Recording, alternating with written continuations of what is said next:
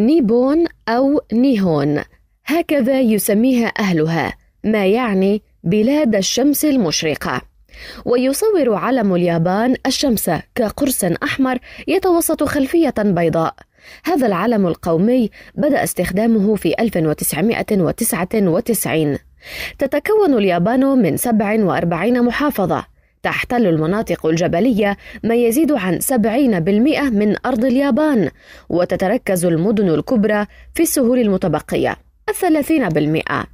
شيئان يميزان البيت الياباني نزع الأحذية داخلها ووجود غرفة واحدة على الأقل مصممة على الطراز الياباني ذات أرضية من التتامي وهي حصر تستخدم في البيوت اليابانية منذ حوالي 600 عام.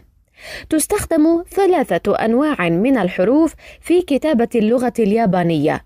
تكونت سابقا من رسومات ثم تطورت مع مرور الزمن عن أشكالها الأصلية وباتت تعبر عن كلمات. يقوم الدستور هناك الذي أصبح ساريا منذ عام 1947 على ثلاثة مبادئ أساسية سيادة الشعب واحترام حقوق الإنسان الرئيسية ونبذ الحروب.